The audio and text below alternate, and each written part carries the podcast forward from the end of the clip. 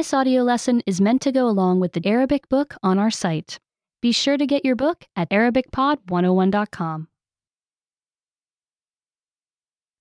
كيف تجري مقابلة؟ How to interview. ما هي المقابلة؟ What is an interview? هل تود أن تعرف أكثر عن شخص أو شيء ما؟ Do you want to learn more about a person or subject? طريقة لطيفة أن تعرف هي أن تجري مقابلة مع أحدهم. A fun way to learn is to interview someone. المقابلة عبارة عن اجتماع نسأل فيه الأسئلة. An interview is a meeting where you ask questions. المقابلات سهلة وممتعة. Interviews are easy and fun. من نقابل؟ Who to interview?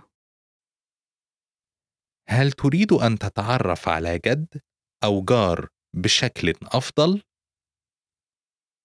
Do you want to know a grandparent or neighbor better? من المحتمل أن تتعرف على مدرس أو صديق. Maybe you want to get to know your teacher or a friend. معظم الناس يحبون أن يشاركوا حياتهم. Most people are happy to share about their lives.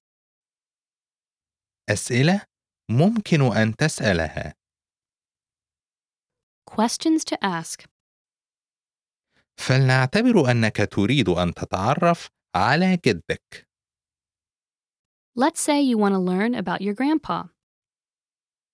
يمكنك أن تسأله أسئلة عن مختلف مراحل حياته. You can ask him questions about different times in his life في مقتبل العمر، early life, في أي سنة ولد؟ what year were you born, أين ولدت؟ where were you born, هل شببت في المدينة أم في الريف؟ did you grow up in the city or country, هل كان عندك حيوانات أليفة؟ did you have any pets, ما أكثر ما تتذكره عندما كنت في مثل عمري؟ what do you remember most from when you were my age, الشباب،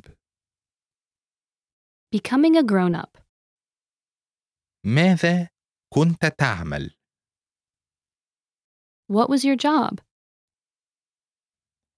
كيف قابلت جدتي؟ how did you meet grandma, في كم مكان عشت؟ how many different places have you lived, أين ذهبت في عطلتك المفضلة؟ where did you go on your favorite vacation, الآن، now, كم عمرك الآن؟ how old are you now, ما هي هوايتك المفضلة؟ what are your favorite hobbies. ما الأشياء التي تفخر بها؟ What are you most proud of? ما الأشياء الثلاثة التي تحبها في حياتك؟ What are three things you love about your life? اطلب من جدك أن يحضر صورة قديمة ويخبرك عنها. Ask your grandpa to bring an old picture to tell you about. أيضاً، اطلب منه أن يجلب لك شيئاً عن حياتك، سيذهلك. Also, ask him to bring something about his life that will surprise you. ماذا أجلب؟ What to bring. تقابل مع جدك من أجل المقابلة إذا استطعت. Get together with your grandpa for the interview if you can. إنها طريقة جيدة لإجراء المقابلة. It's a good way to do the interview. اجلب كراسا وقلم لتأخذ ملاحظات. Bring a notebook and a pencil to take notes. تذكر أن تجلب قائمة أسئلة. Remember to bring your list of questions. اجلب كاميرا ووسيلة لتسجل المقابلة أيضاً. Also, bring a camera and a way to record the interview. ستريد أن تسمعها لاحقاً. You'll want to listen to it later. خلال المقابلة، During the interview, كن في موعدك أو قبله من أجل المقابلة. be on time or a little early for the interview. اشكر جدك لمقابلته لك. Thank your grandpa for meeting with you. اسأل عن التفاصيل لتصبح المقابلة مشوقة أكثر. Ask for details to make the interview more interesting. خذ الكثير من الملاحظات خلال حديث جدك. Take lots of notes while your grandpa is talking. تكلم إذا لم تفهم شيئًا ما. Speak up if you don't understand something. اشكر جدك مرة أخرى في نهاية المقابلة. Thank your grandpa again at the end of the interview. بعد المقابلة، After the interview, خذ ملاحظات أخرى بعدما تعود إلى المنزل.